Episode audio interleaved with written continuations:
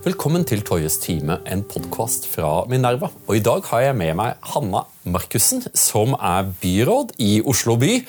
Og tidligere leder for Miljøpartiet De Grønne. Velkommen, Hanna. Tusen takk. Jeg må ta og snakke, eh, starte litt av med det som er det, det verste her. er, Hvor har det blitt av skarre-r-en din? For du er jo som meg født på Sørlandet. Kommer fra Arendal, gjør du ikke det? Jeg er sørlending, um, men jeg har aldri hatt skarre-r. Uh, hæ? Ja. Nei, altså Foreldrene mine er fra Oslo begge to. De har vokst opp her i Oslo. Og Så flyttet de ned på Sørlandet, og så har jeg vokst opp med uh, østlandsdialekt. Skal det sies at Begge foreldrene mine hadde igjen foreldre fra Sørlandet. Så på en måte er jeg sørlending i masse generasjoner, men skarre-r det har jeg ikke. Ah, men for du flyttet også fra Sørlandet ganske tidlig. Eh, var du en veldig sånn uavhengig ung dame? Jeg var i hvert fall eh, veldig sugen på en litt større verden. Eh, jeg flyttet med en gang jeg var ferdig med ungdomsskolen, gikk på videregående her i Oslo. Og det var litt, Da begynte Sørlandet å føltes for lite, og jeg ville ut og oppdage mer. Um, så har jeg vel nå i voksen alder så syns jeg det er veldig mye fint med Sørlandet. Men da jeg var ung, så var jeg veldig sånn ah, Komme seg til hovedstaden, oppleve ting. Veldig søkende. Hvor, men hvor gammel var du da du flytta hjemmefra? 16. 16, Det er tidlig, altså. Mm. Var det skummelt, eller? Jeg tror kanskje mamma syntes det var mer skummelt enn meg. Jeg var, følte selv at jeg var veldig klar for å flytte og veldig stor og voksen. Og skal det sies at det første året så bodde jeg sammen med storesøsteren min, mm. som vel da var eh, 1920. Så helt alene bodde jeg ikke, men jeg ser jo i ettertid at det var ganske tidlig, og at man blir fort voksen på en del ting, og så er det en del ting man ikke er så veldig voksen på. Jeg har inntrykk av at det er noe som bare forplanter seg gjennom hele livet. Ja. Men, men, du overrasket meg. Du, du, tok verneplikten eh, før det var vanlig for jenter. Og ble jo også til og med tok befalskurs også. Hvordan var det? Det var øh, veldig lærerikt. For min del så var det litt sånn jeg tror Hadde jeg da vært vernepliktig og vært mann eller gutt, så ville jeg sannsynligvis vært mye mer opposisjon. Men siden jeg ikke trengte, så føltes det liksom sånn ja, men kanskje jeg skulle ta, gå i Forsvaret og utføre verneplikt. da. Uh, det var et veldig altså Det var en del ting jeg husker jeg tenkte da at Forsvaret lå holdningsmessig litt lenger altså litt tilbake i tid i forhold til resten av samfunnet, fordi det var veldig mannsdominert på den tiden. Mm. Men samtidig så opplever jeg jo at en del av det man lærer, og i hvert fall på et befalskurs som jeg tok altså Du får testa deg selv så utrolig mye. Fysisk, holde ut ting. Eh, veldig nyttig. Men, men så jeg assosierer jo De grønne med pasifisme. Eh, hvordan kan du da komme ut av befalskurset og så gå inn i For Du var vel ikke med da MDG ble stifta i 88? Var du det? Det var jeg ikke. Da I 88 så var jeg eh, Det hadde jeg vært for liten til. Eller i hvert fall hadde jeg ikke kunnet ta så selvstendig valg det. Så det var jeg ikke. Jeg har bare fått gjenfortalt stiftelsen av MDG av noen av de partiveteranene sånn ettertid. Men, men, var det ikke litt sånn underlig at en, en, jente med befalsutdannelse, tøff sørlandsjente, eh, skulle søkes akkurat til MDG? For var MDG et pasifistisk parti i sin opprinnelse? Ganske mye, og det er jo altså Flere grønne partier har et sånt, og også MDG da de ble stiftet i sin tid, var også ganske tungt forankret i fredsbevegelse, og ganske mange pasifister, i hvert fall. Mm. Uh, og nok en del som også ville si at partiet var pasifistisk. Um, da jeg meldte meg inn i MDG, som var i 2007, så handlet det veldig mye om klima uh, for min del, og at jeg mente da at man trengte et parti som i prioriterte det foran alt mulig annet. Så ja, kanskje litt paradoks å melde seg med, med, den militærbakgrunnen jeg hadde i MDG, som da fortsatt var et veldig lite parti og hadde veldig mye pasifister. Så det var nok noen som kanskje syntes det var litt i overkant at jeg kom der med militærbakgrunnen min. Men så klarte de å velge meg som talsperson, da. Som talsperson, og her må du ta oss forklare litt, litt for eh, andre partier har jo en partileder, eh, mens eh, MDG har en litt annen ordning. Kan du fortelle litt om bakgrunnen for det? Hvorfor man gjør det, og hvordan fungerer det?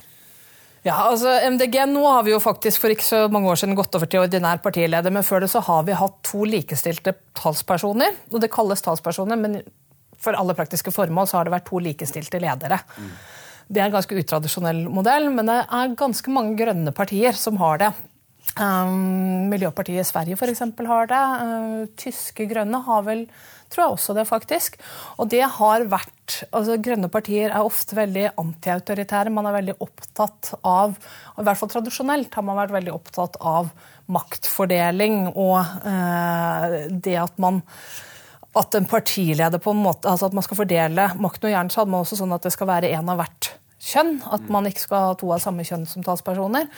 Så det har vært en tanke om både en bredere ledelse og en mer form for antiautoritær ledelse.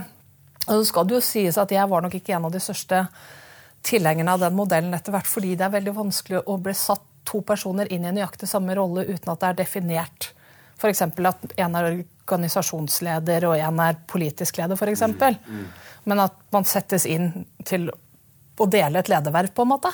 Ja, men Vi har jo visse erfaringer i Norge med samkongedømme, og det har aldri fungert. det er jo det Bakgrunnen for borgerkrigstiden og sånn var jo da forsøkte man jo det et par ganger, og det fungerte aldri noe særlig bra. Nei, og Jeg, jeg, jeg syns det var lettelse å gå over da partiet valgte å gå over til en tradisjonell lederstruktur. Altså Jeg syns det for så vidt fortsatt er bra at MDG er et maktkritisk parti. For det tenker jeg det er alltid sunt at, uh, at man stiller spørsmål ved om for mye makt er konsentrert noe sted. Uh, sånn generelt sett i samfunnet. Men, men det å f.eks.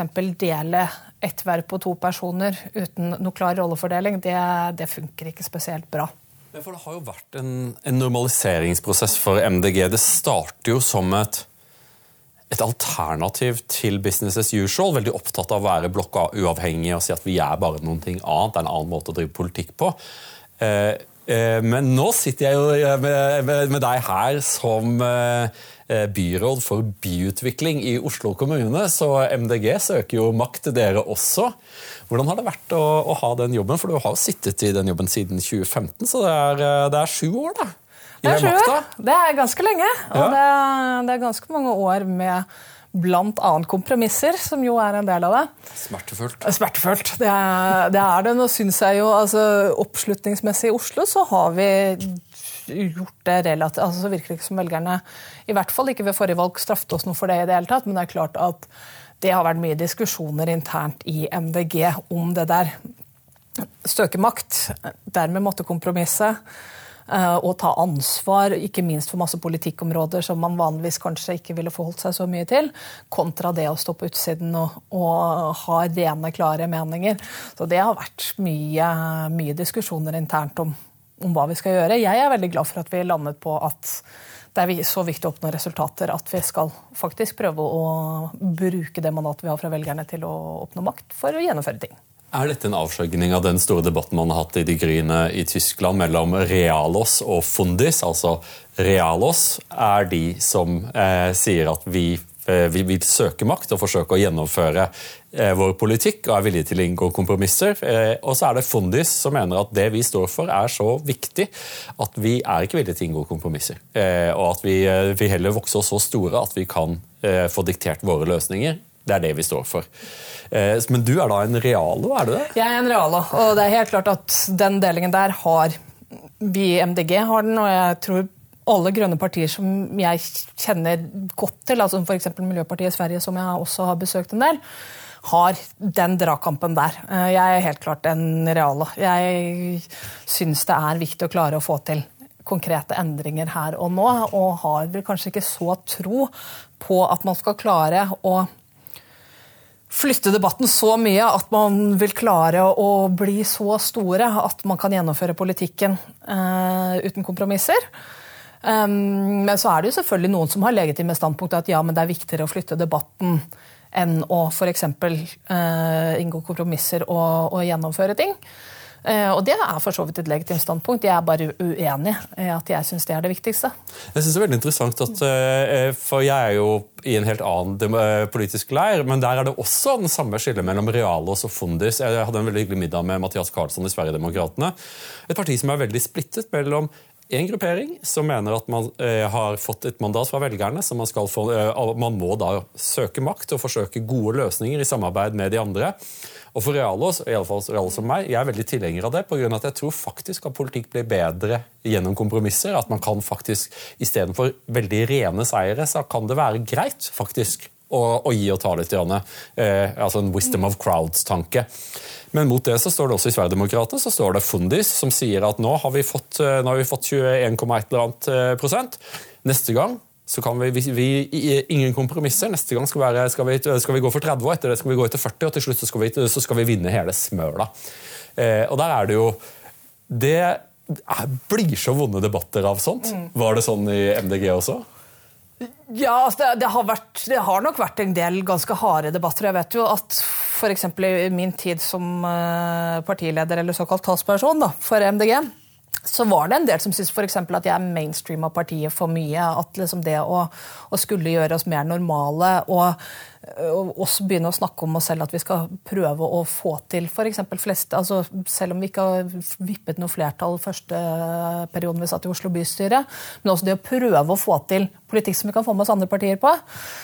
Ikke alltid like populært, eh, og det blir harde debatter av det. Um, men jeg tror jo altså jeg tror også at eh, Litt enig med deg der, at for demokratiets del så er det også bra i, med partier som er villige til å snakke med andre partier. For jeg har også mindre tro på at politikk bare handler om at alle partier skal stå liksom, og bare holde sine meninger helt rene og ranke, men ikke snakke med hverandre, ikke inngå kompromisser. Um, husker jo det begynner å bli ganske mange år tilbake siden, men hvor jeg uh, hørte om en, en, forskningsrapport som jeg tror det var en nederlender som hadde laget, men som gikk på at egentlig flerpartisystemer er de mest effektive systemene, litt fordi at de klarer å selv om det er mye diskusjon og mye hassle og mye kompromisser, så er det allikevel en relativt effektiv måte å få opp ulike strømninger i samfunnet på å ta hensyn til det.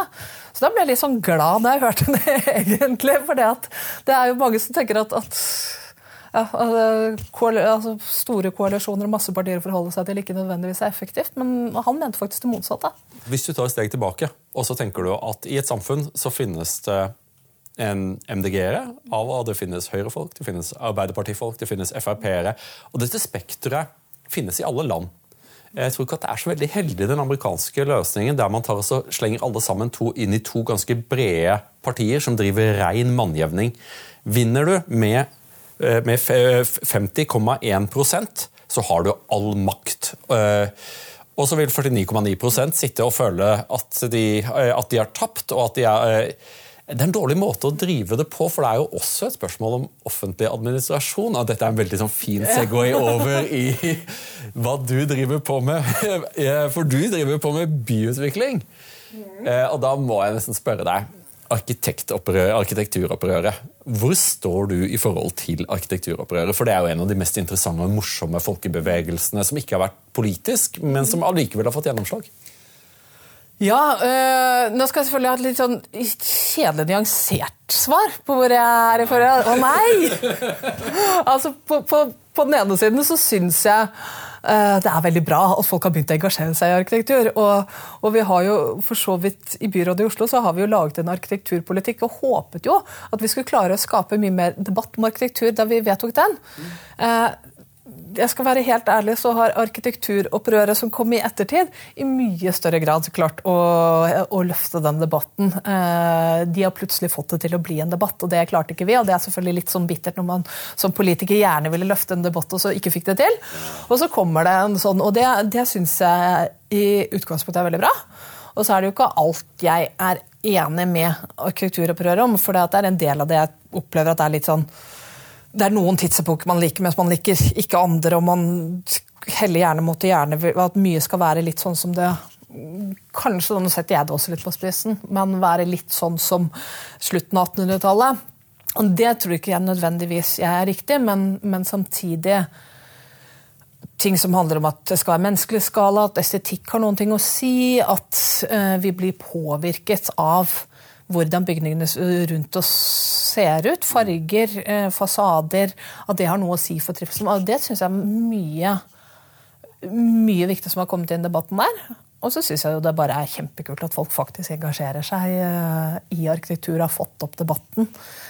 Jeg synes også Det er fantastisk. Også, det er jo også, det er, det er også sånn følelse av at politikk virker. På den annen side så er det også sånn, er veldig interessant at du sier det at, at et politisk parti, MDG, forsøker å løfte dette. Kanskje ikke akkurat på den måten, men i alle fall at jeg ønsker å løfte dette. Og så lykkes man ikke. Og det er noe som jeg tror mange partier ser. at at det er veldig vanskelig å drive politikk hvis man er politiker. ja, for jeg som kommentator eh, Jeg er faktisk litt innflytelsesrik, for jeg kan sette agendaen med mine spalter. For at jeg ikke skriver liksom, partinavn. Parti, ja. Og så forsøker jeg ikke å være så utrolig forutsigbar. Jeg får av og til eh, kjeft for det, da. Men, men, av og til kan, jeg, så kan jeg dra opp debatter. Mens venner som er i politikken, uavhengig av parti, er jo veldig frustrerte over at hvis du som politiker går ut og sier noen ting, så dør debatten i det øyeblikket du har skrevet den spalten. mer eller mindre. Mm. Det er litt sånn trist. Det er, det er, litt trist, og det er nok det er et merkelig mekanisme. Det er nok fordi at man plutselig henger en partimerkelapp på det, så blir det sånn nei, det er partipolitikk, da er det kanskje ikke så viktig innlegg for å løfte en debatt. Altså, det er en eller annen mekanisme der, men det er jo litt trist, da. Ja, ja men jeg, jeg tror det kanskje har noe å gjøre med at folk er liksom vant til at mye av det som kommer ut av munnen på politikere, er bare markeringer. Og så har vi kanskje vent oss til at markeringer er et tegn på politikk vi ikke har tenkt å gjennomføre, men vi fortsatt står for. Altså det er det, det liksom som Man skriver den kronikken om at vi er i prinsippet for, men kommer ikke til å gjøre noe med det. og derfor så Hvorfor skal vi ha en debatt om det? Og så er det jo det med liksom at ildsjelene er jo viktige. da. At det er jo, arkitekt, Arkitekturopprøret er jo drevet av folk som skikkelig bryr seg om dette. Og så er det alle er velkomne så lenge du er, er opptatt av denne saken. Og det tror jeg også kan bidra til liksom, den type entusiasme som jeg mener eh, da MDG blir stiftet, så er det jo det er litt kult også, for det er så mye rare folk. det er jo sånn, når, et, når et parti kommer til, så er det jo mye, mye spesielle karikaturer som, som dukker fram. Men en ting jeg har lurt litt på er at da MDG starter, så er jo dere veldig entusiastiske til folkeavstemninger. Dere er, dere er veldig demokratiske. Er du eh, en folkeavstemningsjente når det gjelder arkitektur? Det er et veldig interessant spørsmål. Jeg, altså jeg må jo innrømme at etter hvert, og det, det, er vel kanskje, Der blir jeg vel litt preget av å sitte som maktpolitiker i mange år. at man blir litt mer sånn, Det, det som er vanskelig med folkeavstemninger, er i hvert fall store komplekse spørsmål. er Folk har ikke nødvendigvis alltid tid til å sette seg inn i det. Arkitektur så er det på den ene siden det som er veldig sånn hvordan omgivelsene rundt den ser ut, det er noe alle kan ta stilling til. Men samtidig så er jo en del av arkitekturen også å få bygninger til å fungere. Altså, du, må, du, må, tenke liksom, altså, lufting, brannsikkerhet, eh, etasjeinndeling, masse sånne ting. Så, så det er ja, eh, det, det, Deler av arkitekturen kan være vanskelig for en folkeavstemning, men at folk flest kan ha en eh, legitim holdning til hvordan det ser ut. Nå skal, det... komme, nå skal komme et forslag til, til MDG, et godt MDG-forslag. For det, saken er at Det kan man jo håndtere gjennom parameterne for utlysning. Mm. Eh, og Hvis man da sørger for at til ethvert nytt signalbygg eller sentral i denne byen, så burde det legges fram i hvert fall to alternativer. Og så la folk stemme. Bare et rent estetisk valg. Hvordan vil du at det skal se ut? Eh, for på innsida så kommer de til å være ganske like. Eh, bygg bygges på ganske lignende måte. Om det ser klassisk ut eller ikke, så, så vil det bli bygget med stål og betong og, eh, og liksom, eller tre, eller hva du vil.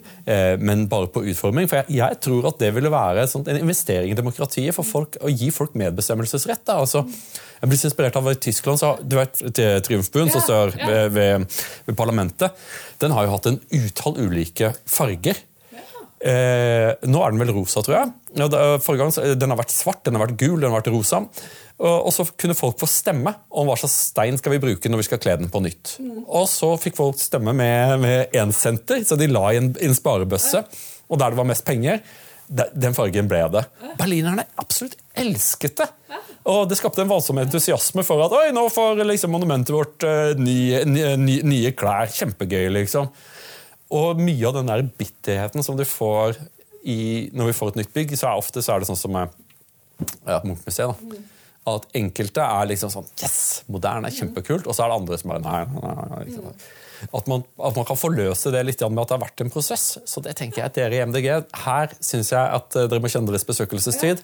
Eh, dropp de arkitektfaglige eh, komiteene som tar den siste avgjørelsen. Legg det ut på folkeavstemninger, la folk logge seg inn på Altinn.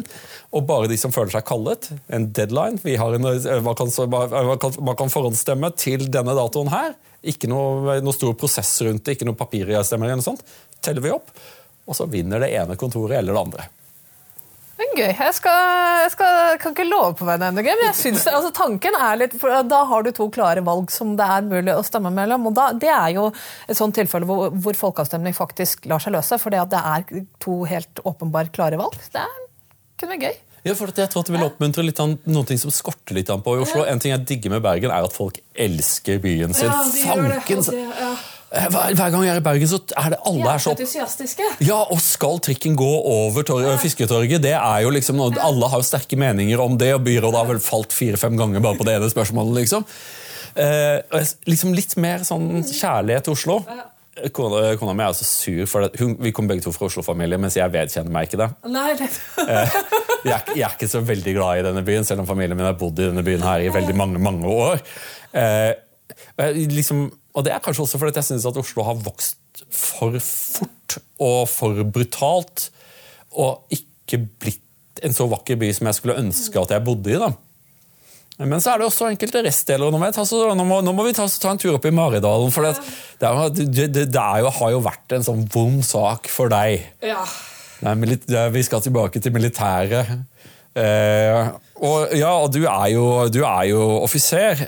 Skar leir, hva er det du har gjort med Skar leir? Skar leir, nei, Skar leir er litt et vondt kapittel i Oslo kommune. for det at altså, Da man kjøpte den, det var for så vidt før min tid som byråd, så var det et ønske om å bruke denne leiren til masse fine formål. Særlig f.eks. For kunne ha barnehage der oppe. eller og så har det jo vist seg, da, og det er noe som jeg har revet meg i håret av i mange år nå, at det er veldig vanskelig å finne noe man kan bruke det, fordi at den ligger så tett innpå Maridalsvannet.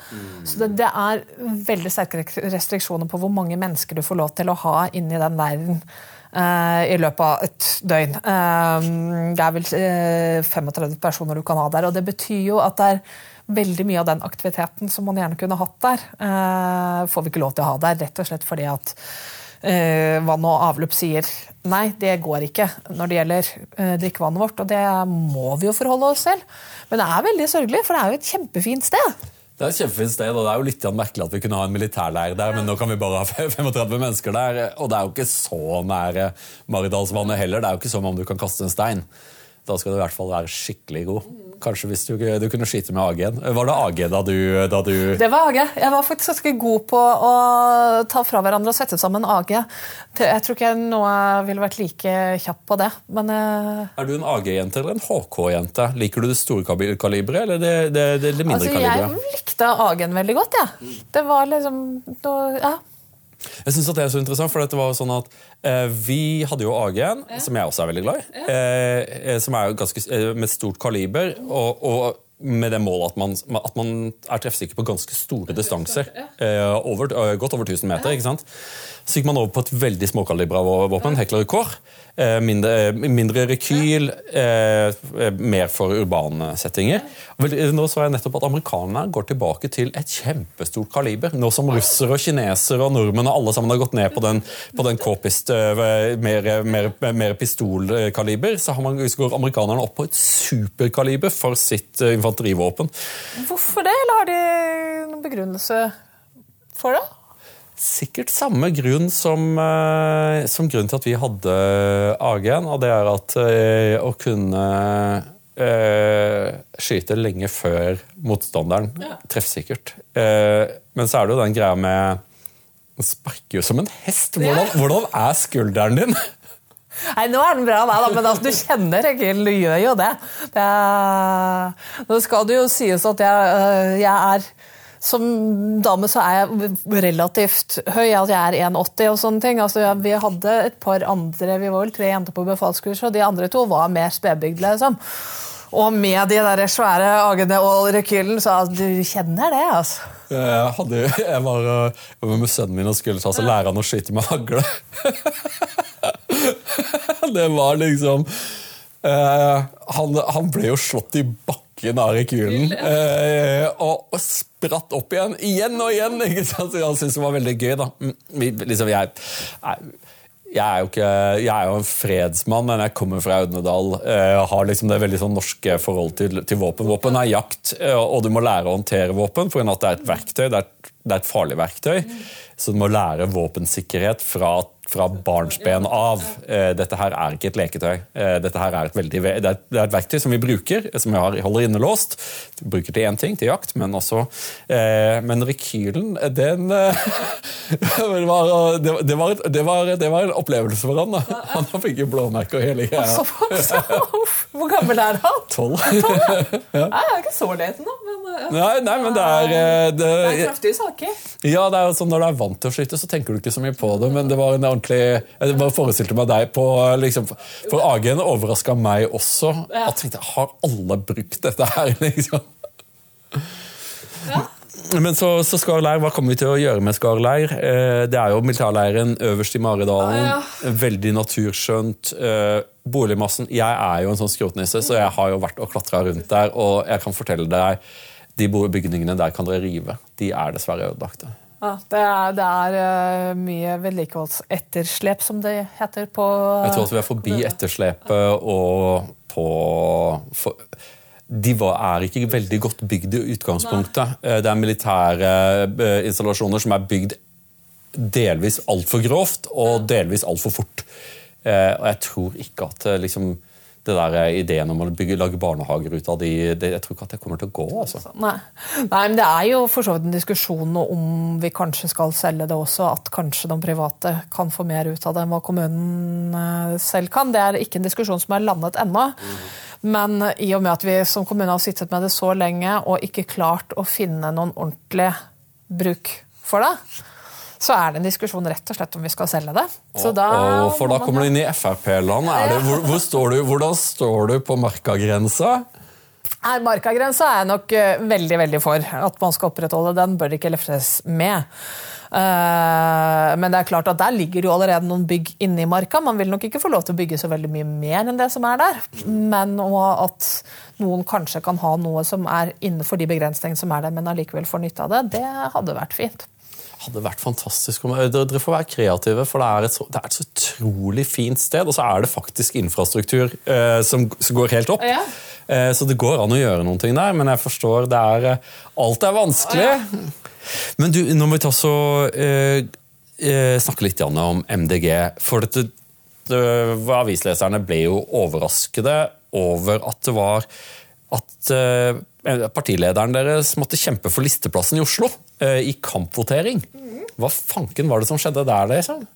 Det, for det skjedde noe nylig? ikke sant? Det skjedde nylig. Det var et nominasjonsmøte hvor det Ja, det er helt nydelig. Nylig. Det var vel forrige uke? Ja. Nei, altså der er vi nok tilbake igjen på at MDG nok er å dele, og, altså er mye mer antiautoritært enn en del andre partier. Det vil si at det nok i MDG oppleves ikke like selvsagt for alle at hvis en partileder stiller på en liste, så, så tar man ikke og har et benkeforslag der. Eh, for det er nok ganske vanlig i absolutt alle det er andre absolutt partier. Alle andre partier ja, ja. ville nok ikke kommet i denne situasjonen. Ja. Men i MDG så er det Fordi vi har litt den der antiautoritære tradisjonen, så er det nok mange som tenker sånn at nei, men man må altså En partileder er en partileder. Man må kunne fordele posisjoner mer, og, og, at det er ikke nødvendigvis selvsagt at du som partileder skal ha posisjonen høyt opp på lista til Oslo-valget, for det at da skal du jo etter hvert inn på Stortinget. Nå har jo vi en partileder som ikke sitter på Stortinget per i dag. Så der er det nok øh, um, der er nok øh, holdningen i MDG litt annerledes enn hva det er ofte i, i de fleste, eller egentlig alle andre partier. Hvordan har det vært å være liksom, i lederskapet på MDG? For Av og til så ser det jo litt ut som å, å gjete kongens harer. For folk er ikke veldig glad i å gå i takt. Folk er nok ikke veldig glad i å gå i takt i MDG. Altså, jeg er jo veldig glad i partiet mitt. og øh, det, og det, det, er jo en del sjarm i nettopp det der at det er veldig mange som om ikke nødvendigvis ikke anarkister, men at man har en litt sånn litt sånn snev av anarkisme i seg, eller i hvert fall at man ikke nødvendigvis um, aksepterer at bare fordi at ledelsen vil at det skal være sånn, så skal det være sånn. Det har mye sjarm, men så er det jo selvfølgelig av og til så syns man jo, i hvert fall når man sitter i en lederposisjon selv, at det kan være ganske slitsomt. Uh, og jeg tror det kanskje er noe av det som er vanskelig for folk utenfra å forstå, liksom, hvis man ikke er å forstå liksom, hvor grunnleggende de litt sånn antiautoritære holdningene er i MDG. Ja. Uh, og at jeg merker det når jeg snakker med folk fra Arbeiderpartiet for eksempel, som vi samarbeider med, altså, de er jo helt sånn sjokkert over at altså, man f.eks. kan benke på partilederen eller andre ting som er helt normalt i MDG. ja, I Arbeiderpartiet så er, jo, så er, det jo, veldig klare regler. Eh, det er jo det er fortsatt Gerhardsens eh, parti. Er du en av danserne? For det, eh, En av de tingene som er, så, er litt morsomt med Jeg bare husker jeg så et sånt nyhetsinnslag fra, fra Det Gryne, og da var det liksom Fondis. De, de strikka så da, da, var det liksom bilde av liksom en, en, gjeng med liksom folk som satt, menn og kvinner som satt og strikket på, eh, på benkene. Og det var liksom, det var Fondis. Det var de som ikke ville gå i regjering. Joschka Fischer, som jo ble den store grønne lederen, kunne jo ikke utstå de folka. Eh, for han, han, kjøpte seg jo dress og ble en ganske realpolitisk skikkelse. Eh, mens er det, er det danserne som er realos, eller Fondis? Og hva er det med dansinga deres? Altså, jeg er i hvert fall en av de som danser. så Det er i hvert fall noen av altså, realåsene som danser. Jeg tror kanskje noen av fundisfolka også danser. Vi er bare generelt sett ganske glad i å danse. Okay. Er, altså, altså, og der kan man jo av og til der, få litt følelse av at man er på vekkelsesmøte. For vi kan ha sånn på landsmøte hvor liksom, det kommer på musikk, og så tar alle bare og reiser seg opp og begynner å danse. Og det vet jeg ikke helt om man gjør i andre partier. Nei, jeg tror kanskje ikke det.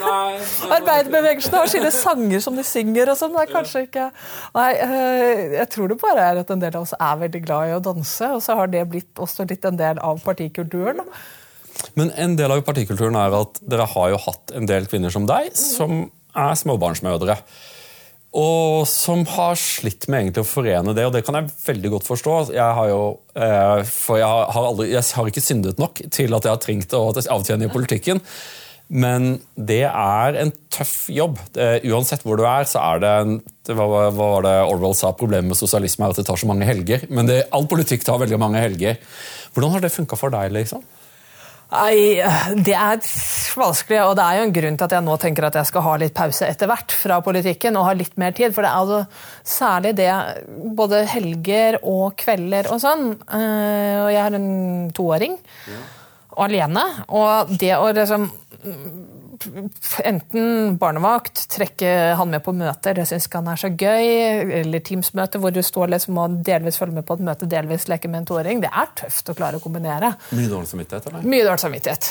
Mye, og mye ønske om å ha mer tid og overskudd til også å være ikke bare liksom fysisk til stede, med sønnen min, men også større grad mentalt til stede. da. Ja, det skjønner jeg veldig godt. Hvordan er det å være et, et kjent fjes? Er det noe som for Jeg snakka med andre politikere som Jeg, Jeg hadde veldig sånn hyggelig prat med, med, Siv Jensen om den greia med at eh, liksom, når du er på jobb, så er du på jobb. Eh, og så fronter du på, altså, Av og til er det en del folk som ikke helt forstår det at eh, av og til er du bare på Rema for å kjøpe en pizza Grandiosa og to liter melk, og har egentlig ikke lyst til å diskutere partiets politikk i det hele tatt. Eh, hvordan har det vært for deg?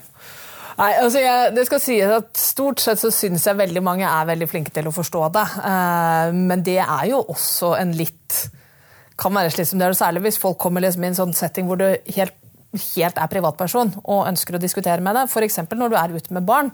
og Da har du bare lyst til å være en mamma ute med sønnen din. Liksom. Du har ikke lyst til å liksom, beinharde diskusjoner om politikk. Da. Du føler ikke at du er på jobb. Og det, det er og det er kanskje litt særlig for politikere, på en måte litt vanskelig, for det er jo veldig forståelig at folk har lyst til å diskutere politikk med deg. Ja, jeg, jeg forstår det. Altså. En venn av meg som er, som er, psykolog, som fortalte liksom at det verste med å være psykolog er det sosiale. for dette, liksom, Når folk har drukket litt, så skal de begynne å fortelle deg om dine sine mentale problemer. så tenker han, har rørleggere på den måten? Er det liksom at, at Begynner de å snakke om, om, om, rørene sine? For liksom Jeg er ikke på jobb nå, liksom, vær så snill, bare hold, hold litt igjen der. er litt fri fra de rørene akkurat nå. Jo, men det er jo det, og særlig også på festsammenhenger, så er det jo helt åpenbart liksom, at da Ofte så vil man som politiker bare være på fest og bare liksom snakke om andre ting enn politikk. Men på fest er jo da veldig mange vil snakke om politikk eller sine psykologiske problemer. Vi, vi, kan ikke komme unna det som skjedde i fjor. Da var det stortingsvalg. Mediene annonserte at det skulle være det store klimavalget. MDG, som eh, dette er min lesning, MDG som i likhet med mange unge partier hadde slitt med mye negativ og rar mediedekning, altså fremstilt som raringer, fikk for første gang, etter min oppfatning, ganske mye positiv oppmerksomhet. Eh, sperregrensa var målet, og så gikk det ikke. Kan du fortelle litt om valgkampen og hva fader var det som skjedde? Ja, det er, og det er mye som der, og det er jo kanskje altså Selv om MDG har jo pisket seg selv ganske mye i ettertid av det her. Og nærmest hatt en havarikommisjon for å finne ut hva gikk galt. Og så er det jo Vi var jo helt tett innpå altså det finopptellingen eh, dagen etter valget, så var det sånn, vi tikket nærmere og nærmere sperregrensen. og Vi snakker jo liksom bare om eh, Jeg lurer på om det endte til slutt med liksom 1700 stemmer fra oss. Det var, det var minimalt liksom, fra nå sperregrensen. Det er klart liksom 0,1% mer. Og om ikke geniforklart, så ville vi i hvert fall liksom, det ville vært en strålende valgkamp. ville alle synes. Ikke noe behov for noen havarikommisjon, i alle fall. Men det, sånn er jo liksom, så brutal er jo politikken at det er 0,1% mellom himmel og helvete. Er akkurat det. Eh, så, så jeg, var på, jeg, var på, valgvaken til, til, Senterpartiet, Høyre og Frp. Og, så, og Frp gjorde et dårlig valg, eh, og stemningen var laber. Det var virkelig sånn at eh, folk gikk rundt liksom, Nå kommer partilederen, nå reiser du opp og klapper, klapper liksom, for NRK er her. Det er alltid sånn at Man skal jo skape inntrykk av, av god stemning. Så det kommer Sylvi Listhaug inn, og stemningen er laber. Eh, folk reiser seg. Ja, og så plutselig går det et brøl gjennom, eh, gjennom, salen, og folk bare hoier! Og Sylvi Listhaug lurer liksom på hva er det som skjedde, og da var det liksom, da var det bildet av MDGs valgvake. MDG er under, er under sperregrensen. Så det viser seg at i politikken så er det egen medgang er hyggelig, men andres motgang det, jo, det var så underlig, da. Ja. Eh, var det, var det deppestemning? Det var ganske deppestemning. Det, det var ganske sånn når valgdagsmålet kom, så det, det, datt veldig stemningen på, på uh, valgvaken. Og så er det jo litt sånn at selv om det var den 0,1% fra, fra sperregrensa. Det er jo klart at Med det klimafokuset som var i den valgkampen, så kunne man jo tenkt at vi som parti burde gjort det enda bedre. Og Det er jo mye av det som den evalueringen i ettertid gikk på, er jo selvfølgelig at med så sterkt klimafokus hvordan klarte vi å kommunisere i forhold til det? Og der var det jo ganske mange forbedringspunkter også, som vi ser etter ettertid. For dette, denne, denne, såkalte havarikommisjonen ble jo frydefullt med stor eventyrentusiasme formidlet i alle medier. Eh, hva var hovedfunnene? Nei, altså Det gikk jo eh, mye på at vi på en måte kastet bort litt vår egen strategi, som i hovedsak handlet mye om å kommunisere løsninger. Og så kom jo uh, denne klimarapporten, og det var på en måte litt doom and gloom. Og så opplevde vi jo at vi kanskje selv også ble kommuniserte for mye av for li, Fokuserte for lite på uh, egne løsninger, men bare liksom kommuniserte negativt rundt hva er problemet, da. Mm. Og så er det jo selvfølgelig man styrer jo ikke alltid selv hvordan man fremstår i media. Eh, det er jo det er ikke alltid at altså Noe av hvordan budskapet ble, og med oljeultimatum og sånne ting, så var det nok kanskje at det gjennom media også fikk en enda mer negativ virkning enn det vi selv hadde tenkt. da. Ja, for det tenkte jeg på. Jeg husker partilederdebatten som de hadde i Arendal. Eh, og liksom, jeg, jeg, har blitt såpass uh, gammel og kjedelig at jeg er ikke så opptatt av partier. Jeg er litt mer en fan av politikk. Og da så jeg at, eh, at Une Bastholm eh, lot seg liksom styre over i en ganske sånn refsende, ganske mørk rolle. Eh, for alle var plutselig for klima, eh, med unntak av Sylvi Listhaug, som var for olje. Og det lønte seg for Sylvi, for det, er jo en del folk som jobber i den sektoren i Norge, så det var greit i og for seg. Men så jeg tenkte liksom, hva, hva er det du driver på med, Basson? Hva er det du driver på med? For det som her burde jo du ta lederskap og gjøre de andre til dine disipler. Istedenfor så fremsto hun som den som var helligere enn alle andre. Tror du at det kan ha vært noe av problemet? Liksom det, eh, for det, og det, det, er ikke en kritikk av Une Bastholm. Det er fanken meg altså- vanskelig å stå i en debatt der du har liksom åtte-ni andre mm. partiledere som alle sammen kjemper om ordet. Å komme på å treffe planken hver gang er ganske vanskelig. da. Eh, hva tror du at det var problemet? Det, det, er, det, er, vanskelig, øh, helt åpenbart. Men det var nok litt det som skjedde med Une Bastholm med den debatten. Også skjedde litt generelt sett i kommunikasjonen vår i valgkampen fra, fra flere, liksom. At det er fordi at alle da er så for klima, fordi at det er på agendaen stort sett av de andre partiene, så blir det, altså, blir det fort at man ja, den er mer refsende enn at man klarer liksom å være de som virkelig peker på løsningene.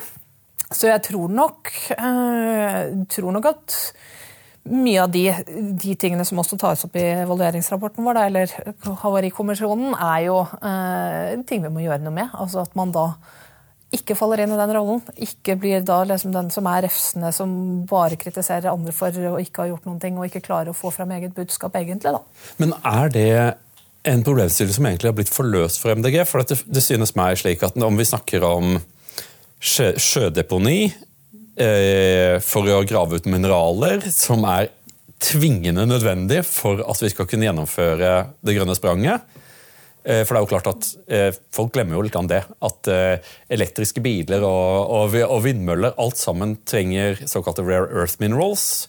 Kina har de aller fleste av dem, og vi må drive med bergverk ganske enkelt i Vesten hvis vi skal kunne komme i mål med dette. Men så viser det seg at ofte så synes MDG å være veldig tilhenger av, av vindmøller, men ikke tilhenger av det med den industrien som må til for å bygge vindmøller eller den store vindmølleparken oppe i Finnmark, så er det, er det, er det en problemstilling som enda er blitt forløst i partiet. At, at, man, liksom, at man velger å være hellig, men er, og er ikke villig til å gjøre det, det grapsete pølsebakeriet som må til for å oppnå de løsningene som man ønsker seg? Det er i hvert fall inne i kjernen av kanskje de de mest altså de eh, debattene vi har i MDG som det er mest temperatur i, er en del av de som går på nettopp de problemstillingene. Mm.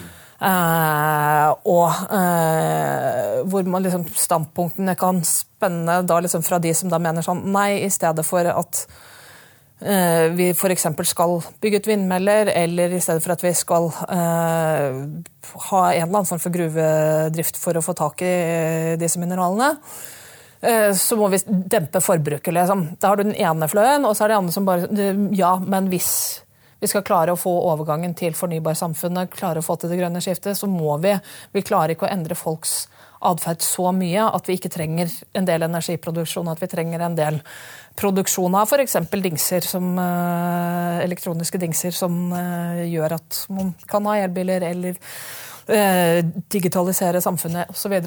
Det er noen av de hardeste diskusjonene internt i MDG, faktisk.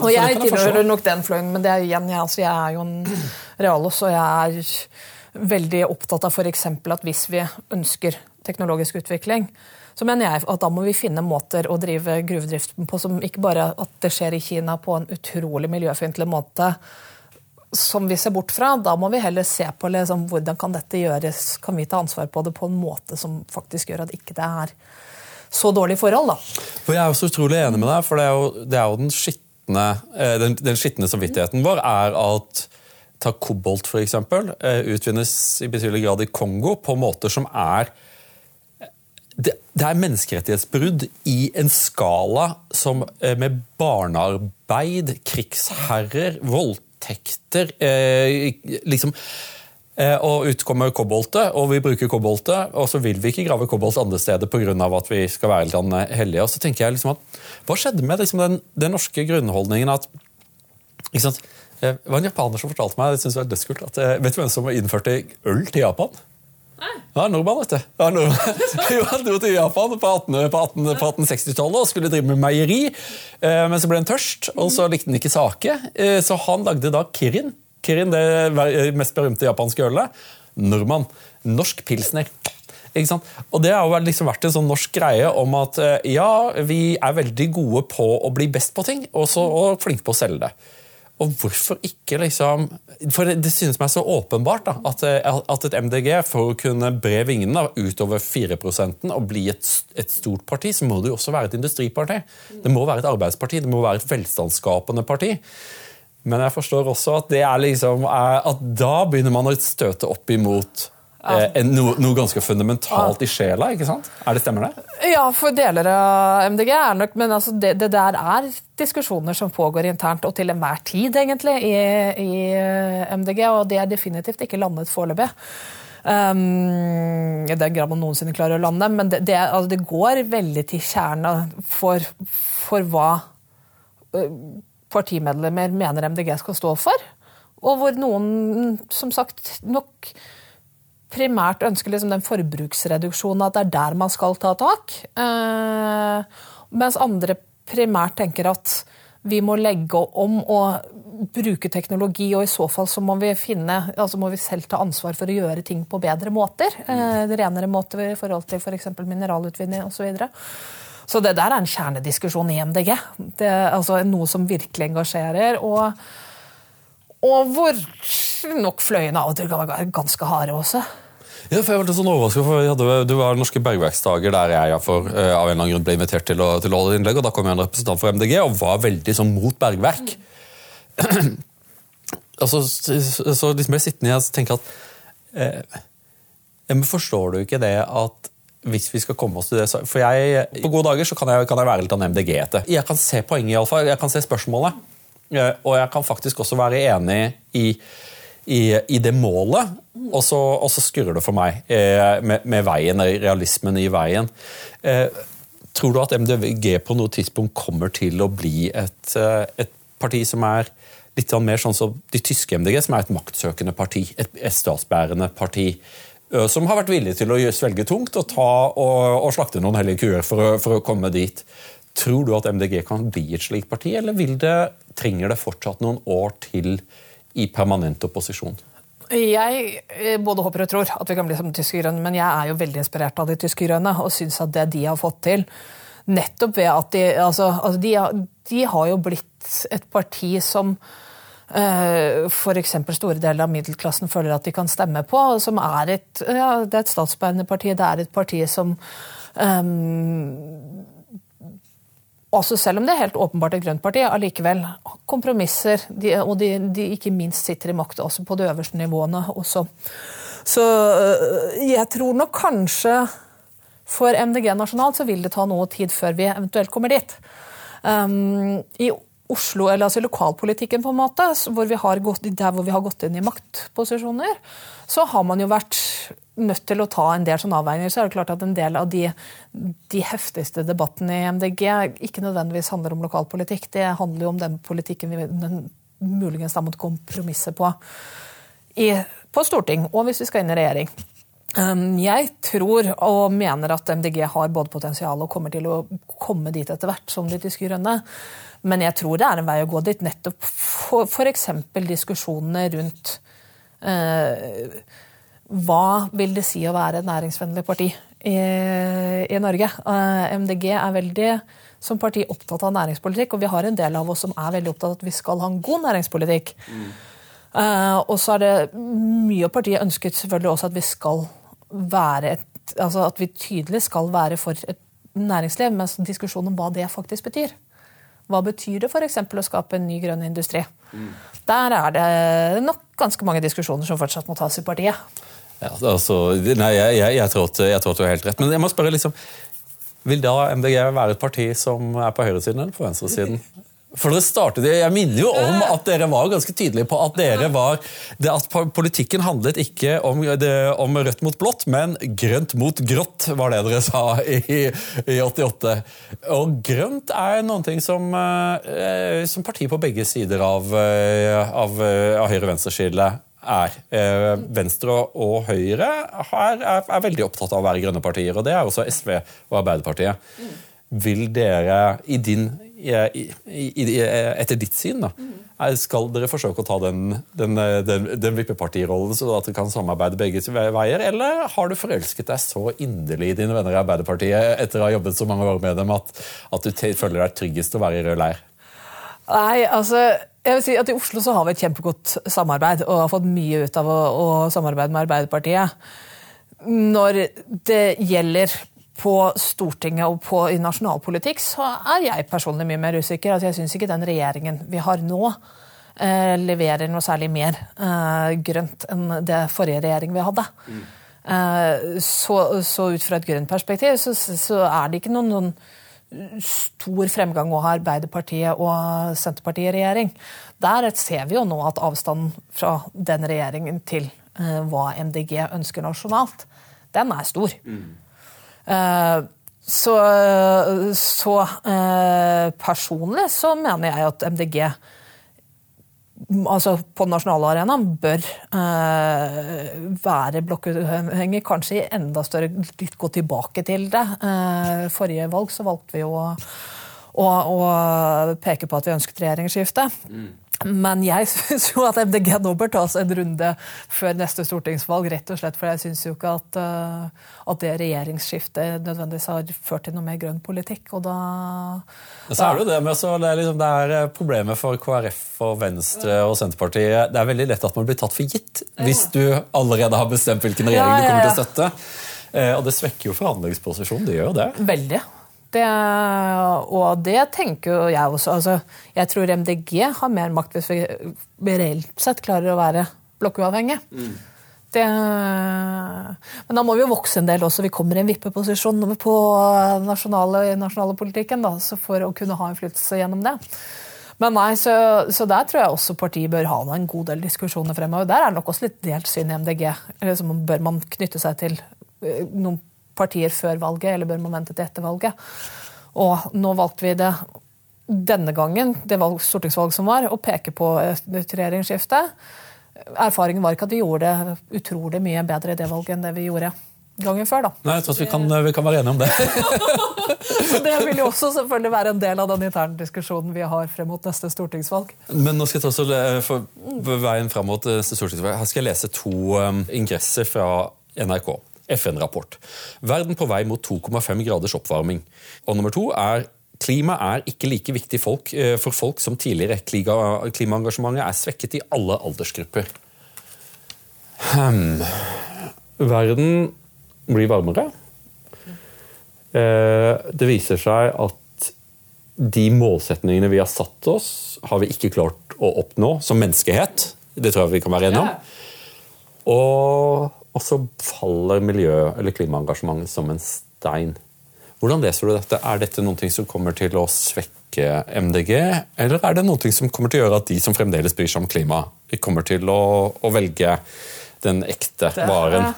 Det er et godt spørsmål. Um, jeg tror i hvert fall altså, Det jeg håper det ikke fører til, er at de som er opptatt av klima, blir så radikale at vi, altså for, Skal vi klare å få til noe handling, så trenger vi jo å få mer av samfunnet med oss, ikke mindre. Eh, og, og, det er et paradoks at klimaengasjement går ned samtidig som stadig færre egentlig benekter klimaendringer fordi man ser, altså Nå oppdager man liksom at det skjer faktisk endringer som vi kan se og føle på. Um, så det er et paradoks. Um, og jeg har ikke noe entydig svar på hvorfor det er sånn. Jeg tror at det kan føre til at en del av de som er veldig opptatt av klima, vil trekke til MDG fordi, fordi at de opplever liksom, vi må det for å virkelig få noe handling og få, noe, få denne debatten opp igjen. Uh, og det er jo selvfølgelig ut fra et MDG-perspektiv bra, men samtidig hvis det gjør at det er vanskeligere å få gjennomført faktisk politikk som kutter utslippene, så er det jo ikke bra. Og det, eh, Da må vi jo klare å finne løsninger som gjør at vi får med oss et flertall og faktisk får ned utslippene. For Det er jo et paradoks. for uh, Se på uh, Frp og, og innvandringssaken. ikke sant? En stund hadde de det alene. Og så delte de det med alle. Alle ble, liksom, skulle stramme inn innvandringspolitikken. Og så blir egentlig ikke innvandringspolitikken strammet inn så veldig mye. Og da plutselig står Frp i den posisjonen at skal de la seg presse ut i mer radikale standpunkter som vil koste mange velgere? Eller skal de bli liksom litt grå og i bølingen? Sånn tror jeg også kan være Problemutfordrende for MDG er at det er vanskelig å være et miljøparti når alle partier hevder å være miljøpartier. Det er akkurat det der. Og da er det, liksom, det er veldig lett for at du enten går i fella at du blir bare refsende overfor de andre. og Det er ikke nødvendigvis noe som gjør at folk vil stemme på deg. Det så vi jo. Ja, det så vi jo. Eh, eller så kan du bli for radikal at du for å markere seg går så langt at du går til et sted hvor velgerne ikke lenger er. Uh, og det er, det er, jo heller ikke noen god løsning. Du får jo heller ikke endret verden av å bevege deg så langt ut på den ene siden at du ikke lenger har noen velgere. Uh, og det tror jeg nok flere partier har gjort på altså, sine kjernesaker. Eh, jeg tror SV i sin tid gjorde litt på skole, hvor de var virkelig i vinden på skole. Men så flytta de debatten. Og da flyttet SV også seg fordi at de fortsatt skulle ha Høyre for eksempel, som en mot, eh, motstander. Og plutselig så var man kommet så langt at ikke man egentlig var fra å være helten til velgerne på feltet, så var man plutselig flyttet seg et sted hvor ikke velgerne lenger var. Da. Og det tror jeg er en reell problemstilling for MDG på, på klima. At hvis vi ikke klarer å Altså hvis løsningen vår blir da å stadig ha mer radikale tiltak, så tror jeg vi til slutt mister velgerne våre. Jeg tror, at, jeg tror at du har rett i det. Jeg, jeg har veldig stor sympati for paradokset, men jeg må jo si at eh, jeg er jo så glad i politikk at eh, jeg syns det er kjempefint når vi får nye partier. Eh, jeg, det, er en, det, er en, sånn enorm konservatisme blant det norske kommentariatet som synes å mene at Norge må styres av Arbeiderpartiet Høyre til evig tid. Mens jeg mener jo at endrede preferanser i velgerne bør reflekteres i nye partier, og partier som svarer på sin tids utfordringer, bør, bør få, på oppslutning og få makt, og at, at det er en kaotisk og, og, og, morsom, og morsom prosess. Jeg syns det har vært så hyggelig Anna, å ha deg her i dag. Nå må du si, Er det noen spørsmål jeg har glemt å stille? For nå skal vi gå inn for landing. Hva, hva har jeg glemt? Du har glemt å, jeg vet ikke om det er spørsmål, du har glemt å, snakke om trær, da, siden vi deler en fell. Hvordan kunne jeg glemme Kjærlighet til trær!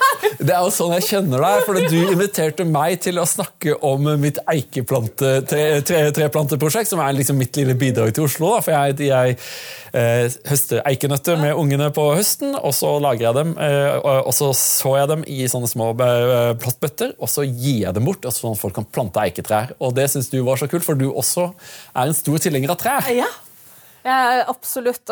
Vi har jo, altså, som byråd så er jeg ansvarlig for at prosjekt med 100 000 trær innen 2030. Det er et litt sånn langsiktig prosjekt, og det er meningen at det skal være i dugnad. Men det, det, mye av dette, altså, til at jeg engasjerer meg i dette, er jo fordi at jeg er veldig glad i trær. Og eiketrær, ikke minst. altså Eiketrær De kan jo bli liksom 1000 år gamle. De, de gir en dimensjon til livet.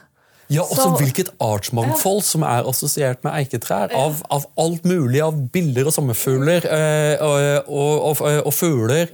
Eh, og så er det noe med eik fordi de er så gamle at de på en eller annen måte titter ned på, titter ned på våre små liv fra et, fra et mye høyere perspektiv. Det det. Og det, det, syns jeg sånn For på en måte å Og i hvert fall når man har en litt sånn hektisk hverdag med mye jobb og en veldig urban hverdag. Så for min del så er liksom det å forholde seg til da, trær i byen, og f.eks. et gammelt eiketre, men også for så vidt andre trær, gir et perspektiv og en ro som jeg altså, Kanskje ikke for alle mennesker, men jeg tror ganske mange faktisk har det sånn som man ellers ikke ville hatt. Altså, man blir jordet på en eller annen måte. Liksom. Det å f.eks. kunne gå og sette seg i en park inntil stammen på et stort tre.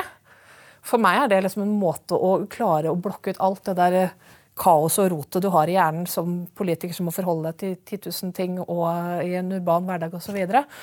så ja, nei, uh, engasjementet for trærne, og særlig vi som bor i by, som kanskje i enda større grad fordi det, trær ikke er noe som Eh, vi har ikke skog overalt i byen. liksom, og At man kanskje i enda større grad setter pris på det.